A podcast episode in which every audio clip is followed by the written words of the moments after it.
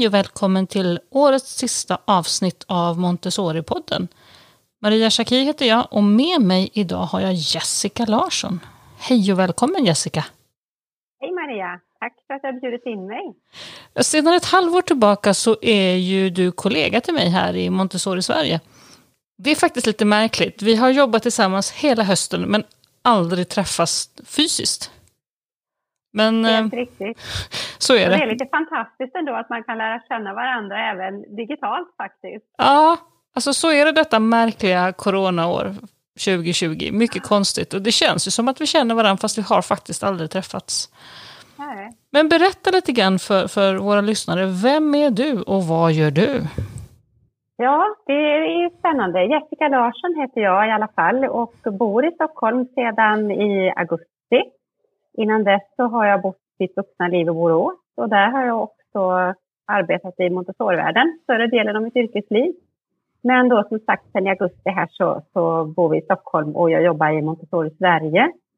Där även du då jobbar Maria och tillsammans med Ann-Marie och ett annat gott gäng. Mm, precis. Och du har jobbat som rektor i Montessori-skola och sådär. Hur ser din egen Montessori-bakgrund ut? Eh, ja, min Montessori-bakgrund är ganska lång. Den började egentligen redan när jag gick på gymnasiet. Så läste jag det dåvarande programmet som hette Barn och ungdom. Och eh, någonstans där i, i, utbildningen, så inom ramen för pedagogik, så skulle vi få möjlighet att fördjupa oss inom någon alternativ pedagogik. Då fastnade jag för Montessori-pedagogiken och vi hade ett par stycken förskolor i Borås. Så att en av dem var jag och gjorde studiebesök på blev väldigt fascinerad av verksamheten som de bedrev Jag hade aldrig sett något liknande tidigare. Så att eh, jag tror att det var nog där som grunden lades. Där mm. fröet föddes liksom. Och jag, jag, tänkte nog ändå att får jag barn någon gång så, så ska de gå i, i Montessori-skola eller förskola.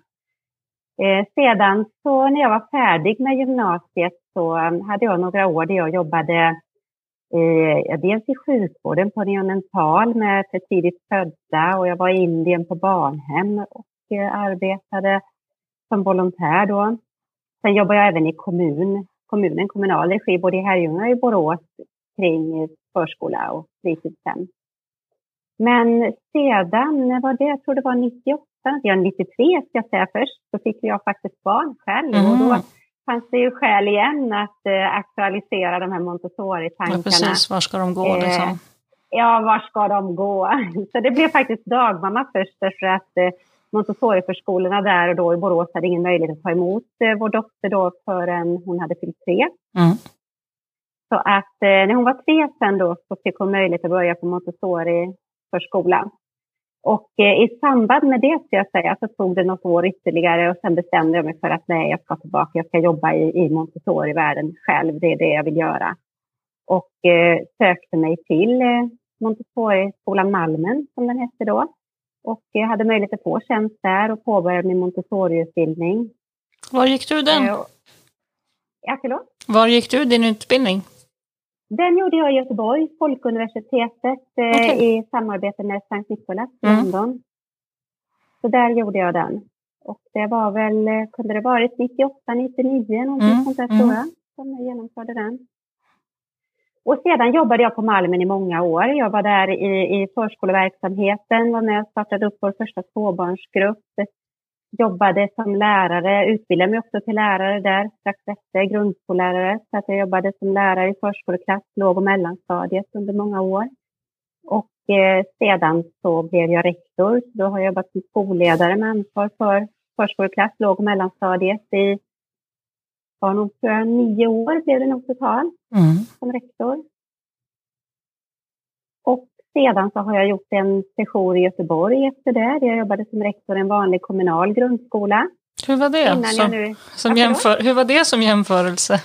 Ja, hur var det som jämförelse? Jag började ju min yrkeskarriär i kommunens regi och, och gjorde några år till här nu. Men allting är ju lärorikt och, och man hittar ju sig själv i olika sammanhang och mm. utvecklas som människa och i sin yrkesroll och så. så det är otroligt givande, det, det får jag säga. Och blickar jag tillbaka och tänker på mitt yrkesliv i skolans värld så, så måste jag nog säga att det har varit fantastiskt att få jobba med så otroligt många duktiga pedagoger och lärare. Det måste jag säga oavsett om jag varit i Montessori-världen eller min erfarenhet av den kommunala verksamheten. Så att eh, det har ju varit otroligt lärorikt på det viset. Men det är klart att inom, inom Montessori-pedagogiken, där är ändå där mitt hjärta klappar. Där det finns något alldeles speciellt i pedagogiken som jag är otroligt fascinerad utav. Och det är klart att, att eh, få vara aktiv och jobba med det, det, det, det blir betydelsefullt. Det känns viktigt för mig. Och sen efter den där lilla sessionen så kom du till slut till oss i, i Stockholm? Ja, så landade jag in hos er i Stockholm. Jag fick lite kontakt med Ann-Maj Utterström Olsson som då är VD för Montessori Sverige. Och jag kom i kontakt med henne här i slutet på våren, början på sommaren. Och eh, ja, det landade in i att jag anställdes som kvalitetschef. Och vad gör en sån? Och vad gör en kvalitetschef? det är en bra fråga. Det är en, en nyinrättad roll i, i Montessori Sverige. Så att, eh, det finns väl tid och utrymme att forma det, det uppdraget. Men framför allt så handlar det om kanske att säkerställa kvaliteten i våra verksamheter, i våra förskolor och i våra skolor. Och vi har ju våra styrdokument som vi ska och lagar att förhålla oss till. Så att i första hand, det primära skulle jag nog säga är att säkerställa att, att våra skolor och förskolor håller en god kvalitet och gör det vi är skyldiga att göra. Mm. Sen eh, inom ramen för mitt uppdrag ligger ju givetvis också att få, få jobba med kvalitetsfrågor, att få fortsätta stärka och bidra till att, att verksamheterna utvecklas i en positiv riktning. Mm. Så är det ju. Men, men du, du sa det tidigare, det här med Montessori, att det är det du känner liksom att där du har hemma och hjärtat klappar för det och det kan jag ju verkligen känna igen. Men vad, vad känner du, vad är Montessori för dig? Vad är det viktigaste i en Montessori-skola? Mm. Det finns så otroligt många delar och den där frågan får man ju så ofta och jag tycker att den, den är både lätt och svår att svara på. Mm. Jag vet ju så väl, men det är så mycket som man skulle vilja säga i det. Men, men det, det allra, allra mest primära tycker jag någonstans, det är nog ändå liksom värdegrunden, synen på barnet, det här att man man kliver ur sig själv lite grann. Man, man, man tar utgångspunkt i barnet, individen, respekten för det enskilda barnet. De här bitarna tycker jag är otroligt eh, värdefulla och väldigt, väldigt viktiga. Mm. Synen på hur barn utvecklas, hur barn lär sig. Respekten för det arbetet. Det, det, det är viktiga bitar för mig, jätteviktiga bitar. Och jag tänker på värdegrunden så tänker jag på det här som ju ändå är den centrala biten i, Montessori-pedagogiken med, med Maria Montessoris tankar om världsmedborgare och, och fredsfostran och allt det här som är, är fortsatt mm. aktuellt så här hundra år senare och kanske mer än någonsin. Ja, jag tänkte säga det. Det kanske är mer än någonsin aktuellt.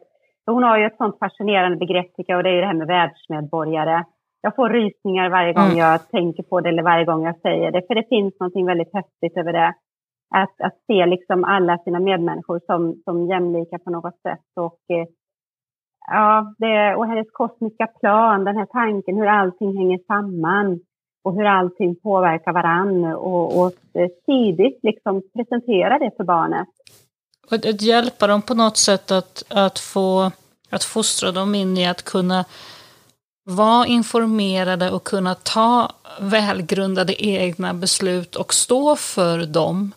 Um, mm. uh, känns ju också relevant idag att, att jag tänker på det här vi pratar om i den digitala världen vi är idag, det här med källkritik och annat, att faktiskt orka och våga tänka efter lite själv och fundera på var kommer det här ifrån egentligen? Känns det här vettigt? Ska jag följa den här ledaren eller är det inte riktigt rimligt? alla de mm. tankarna som ju finns med i hela den fredsfostrans begreppet känns ju jätterelevant idag. Men det gör ju det och det finns ju något väldigt intressant i det, precis det du säger nu, som man kopplar det till redan hur hon betraktar det här med, med förskolan och de alla yngsta barnen och hur den förberedda miljön och det här att hjälpa barnen till självständighet. Mm. Det ligger ju någonstans i det att man måste få träna sig i självständighet för att också kunna tänka självständiga tankar, som mm. du säger. Att förhålla sig självkritiskt, eller, eller källkritiskt rättare sagt, inte självkritiskt. Eh, utan, utan källkritiskt till det som händer och sker omkring oss. Det är ju, det är ju jätteviktigt, mm. tänker jag. Hur, hur eh, ser vi framåt där då? Hur går vi vidare i framtiden med Montessori? Hur går vi framåt och utvecklas men utan att ändå då, vad ska vi säga, förlora vår grund och vår själ, det som är basen, men ändå hänger med och utvecklas på ett smart sätt. Hur gör vi det, tänker du? Har du funderat kring det? Ja, oh ja, jag skulle säga att man har funderat på under alla år som yrkesverksam därför att eh, i perioder så har det ju funnits där man liksom nästan känner att man kan gå vilse lite grann i det själv. Att, att eh, pedagogiken är ju någonting som man ständigt liksom behöver erövra och upprätthålla på något vis. Att man kan inte ta den för givet, för det är lätt att det vattnas ur och försvinner. Då. Så att det är ju någonting, precis som du säger, som man medvetet behöver värna om också. Eh, och återkoppla till de här eh, fundamentala delarna. Vad är liksom kärnan i pedagogiken? Vad är syftet? Vad är tanken med pedagogiken? Vad är det vi vill? Mm. Det, det, jag tror det är viktiga frågor att ställa sig regelbundet, både som, som eh, lärare på en Montessori-förskola eller skola och som rektor och, och även i min roll som kvalitetschef här. Vad är det som du tänker att vi troligen kommer att se utvecklingsmässigt framöver då i Montessori-pedagogiken? Vart är vi på väg? Mm. Det är en stor fråga. eh, nej, men jag, jag, jag, jag tänker att, eh, att det naturligtvis kommer att finnas plats för Montessori-pedagogiken även i framtiden. Det hoppas jag ju verkligen och, och det vill jag ju gärna tro också. Eh, nu var ju pedagogiken kanske, åtminstone i Sverige, var ju väldigt stor där i början på 90-talet mm. någonstans och det växte. Det fanns många förskolor och skolor och, och verksamheterna växte och frodades. Um, sen är det klart att det har hänt saker som också gör eh, det mer komplicerat kring det här. Jag vet att jag har pratat om det i podden tidigare, det här med läroplanen och timplan och grejer och sånt här som liksom också då kommer in och inkräktar liksom kanske på idéerna kring, kring Montessori-pedagogikens verksamhet. Och där kan ju finnas utmaningar i hur, hur förenar man det på ett mm. bra sätt. Mm. Så att man ändå värnar om Montessori-pedagogiken.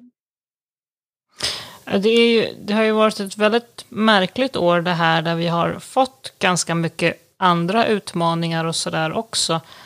Mm. Um, vilka utmaningar tycker du att du har sett i, i, verksamheterna just det här året som har varit väldigt speciellt? Eh, för mig blir det lite speciellt år för att vi, eh, vi i samband med att vi flyttade upp till Stockholm här i augusti så var vi tjänstlediga i ett, eh, nästan ett år tidigare, så jag har varit ute och rest och under våren när det här med covid-19 slog till så befann vi oss i Europa mm. och blev i karantän då och satt i 50 dagar. Så som, I skolans värld var inte jag aktiv under vårterminen utan jag kom egentligen in i den under hösten. Så min erfarenhet ifrån det här året och skolvärlden grundar sig egentligen från höstens mm. erfarenheter och fram till nu. Men det är ju förändringar jag har sett naturligtvis. När vi startade i augusti där så var det ju ändå eh, lite lugnare, lite lättare. Jag ska inte säga att det på något sätt var normala omständigheter, men, men det kanske ändå det var någon slags andrum. Ja, det var någon slags andrum precis där när terminen drog igång. Vi ja. hade någon idé om att ja. men kanske, kanske yes. blir det lite, lite mer normalt nu. Ja, men det är helt riktigt. Det var nog faktiskt känslan av lite andrum. Men, eh, men, men nu då så har vi haft en eh, tuff avslutning här på terminen. Det ser man ju. Det är många skolor runt om som har, och förskolor som har kämpat med både, både oro naturligtvis för smittspridning och, och risker och personalbrist och, och de här övergångarna. Man måste förbereda sig då med de här liksom, digitala tankarna och, och förutsättningarna att faktiskt kunna bedriva verksamhet digitalt. Ja, jag tänker det är väl kanske... Jag tänker det är väl kanske så nästa, liksom, lite nästa sak jag tänkte liksom höra till alltså just vilka, vilka områden då vi ser att de har i, för allt, alla utmaningar och alla situationer man ställs inför så, så sker det ju en utveckling och man lär sig mycket. Och vad är det, vilka stora områden har verksamheten utvecklats i under hösten? Ja, men det, det kanske är den digitala biten ändå, tänker jag. Att mm. man har... Eh, eh, det skulle jag nog säga.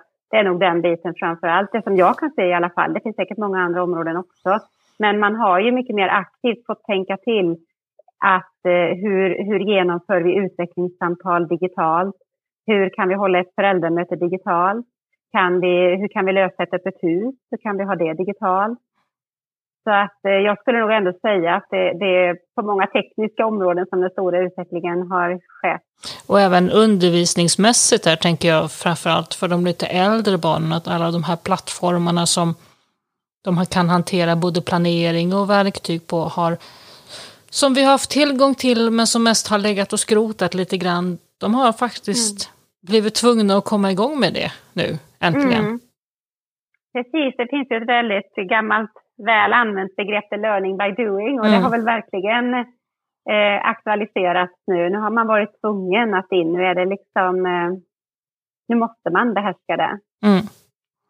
Och det har de ju gjort och jag får en känsla av att ofta är ju barnen, är, barnen och eleverna är ju mycket, mycket mer bekväma med det här oftast än vad vi vuxna är. Så för dem har det inte varit någon jättesvår omställning tror jag. Det är för de vuxna och för lärarna som det nog kanske har varit besvärligast. Ofta är det nog så som du säger, barn har ju en tendens att, att vara ganska anpassningsbara. Ja. Så att det, eh, det ligger nog någonting i det du säger faktiskt. Och sen är det klart att en vuxen bär också ansvaret för att det ska fungera på något sätt. Ja. Och, och, det, det, och, och ehm, ja, vi tar ju ansvaret för elevernas utbildning och deras eh, eh, kunskapsinhämtande. Så att det är klart att det, det är en, en börda på deras mm. axlar. Mm.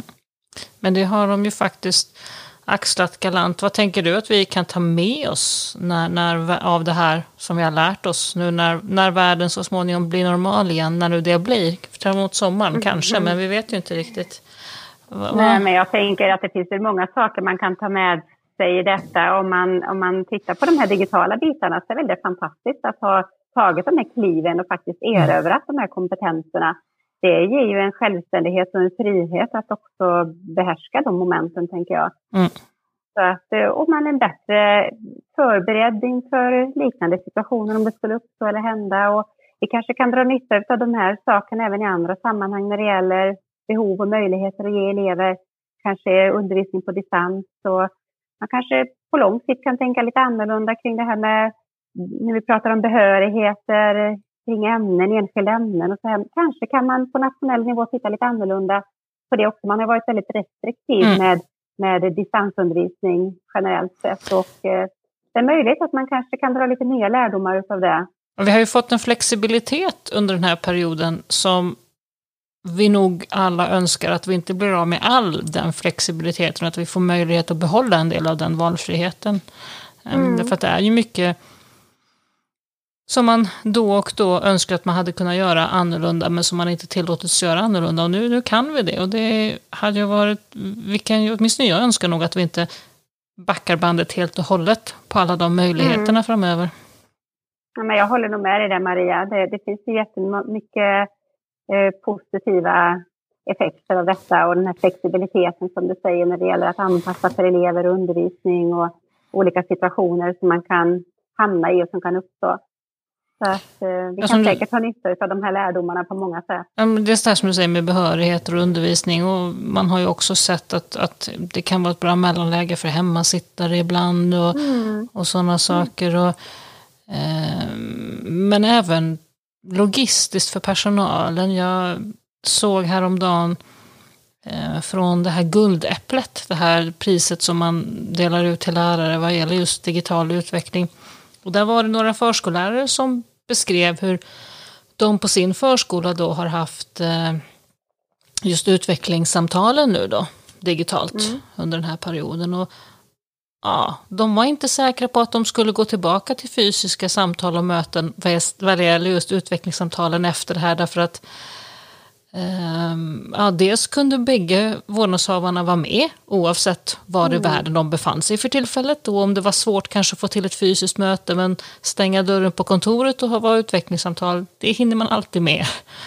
Mm. Uh, och, mm. och själva blir det också mycket enklare för dem uh, starttiden blir mycket, blir mycket mindre, kortare process att få till mötet och ja, allting var så mycket. Sen kanske man vill ha fysiska möten då och då, men, um, men de, och, och, lägger man då upp dessutom mycket av sin dokumentation digitalt så blir det ju enkelt mm. att visa det för föräldrarna. Mm. Så, så de, de sa sådär att ja, vi är inte så säkra på att vi slutar med den här biten. när nej, vi väl är klara. Nej, men ja absolut. Jag tycker att jag också har mötts av det i våra verksamheter där eh, man har fått ställa om då på grund av eh, nuvarande situation och sen så har man då upplevt eh, stora positiva effekter och vinster med det. Inte minst det här som du beskriver med utvecklingssamtalen med, när det gäller kanske dels den här tidseffektiviteten för en lärare, för mm. vi vet att det tar mycket tid. Det gör det. Eh, men också det här som du säger, tillgången, tillgängligheten, att få ihop samtalen, få föräldrar oavsett var de arbetar någonstans att kunna delta. Vi kanske kan lägga dem på lite andra tider på, på skoldagen eller på arbetsdagen mm. för lärarna. Ja, så det blir ju enklare. Eh, har det varit ett stort tryck på att föräldrar vill ha dem sent på eftermiddagar och gärna lite kvällar. Ja, för att de ska kunna göra det i samband med hämtning. Men har man dem digitalt ja. så kan man ju boka dem när föräldrarna har möjlighet att ta en, en, tim, en halvtimmes lunchrast. Liksom. Alltså det blir ja. ju, det ger ju helt andra möjligheter. Ja, men jag tror faktiskt det. det så det finns så många sådana här saker som vi kanske kommer överväga innan vi återgår till, till vanliga sätt. Eller kanske behåller de nya. Tycker jag det är likadant det här tycker jag på förskolorna där där man lämnar och hämtar mm. utomhus. Det är också många som upplevt det positivt och uttrycker det, både, både personal och föräldrar. Ja. Att de upplever att hämtningarna, eller lämningarna då på morgonen blir mycket smidigare och ja. snabbare. Och Mindre dramatiska enklare. liksom. Mm. Ja. Och, jag, och sen tycker jag att kreativiteten har varit fantastisk. Eh, min lilla systerdotter går på en Montessori-förskola, där, där, eh, på en småbarnsavdelning där de då skulle ha Lucia nu då. Jag tror att de skulle ha det gemensamt med stora avdelningen.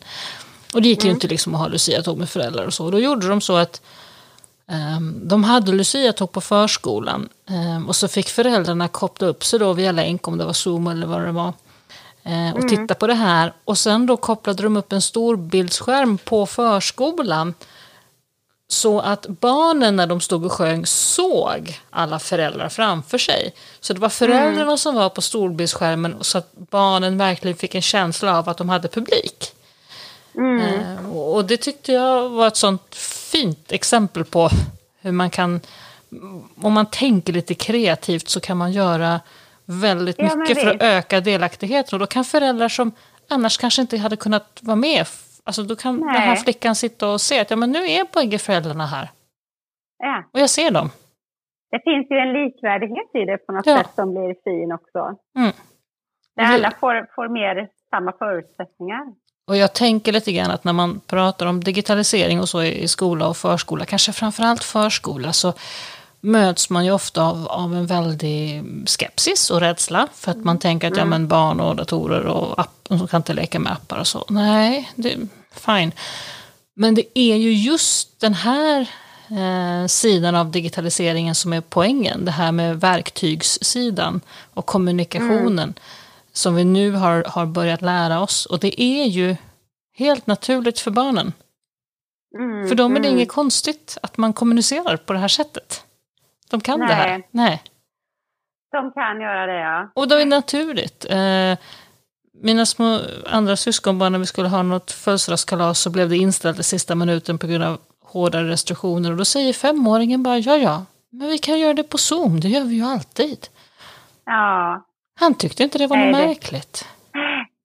Nej, det är häftigt, det är det faktiskt.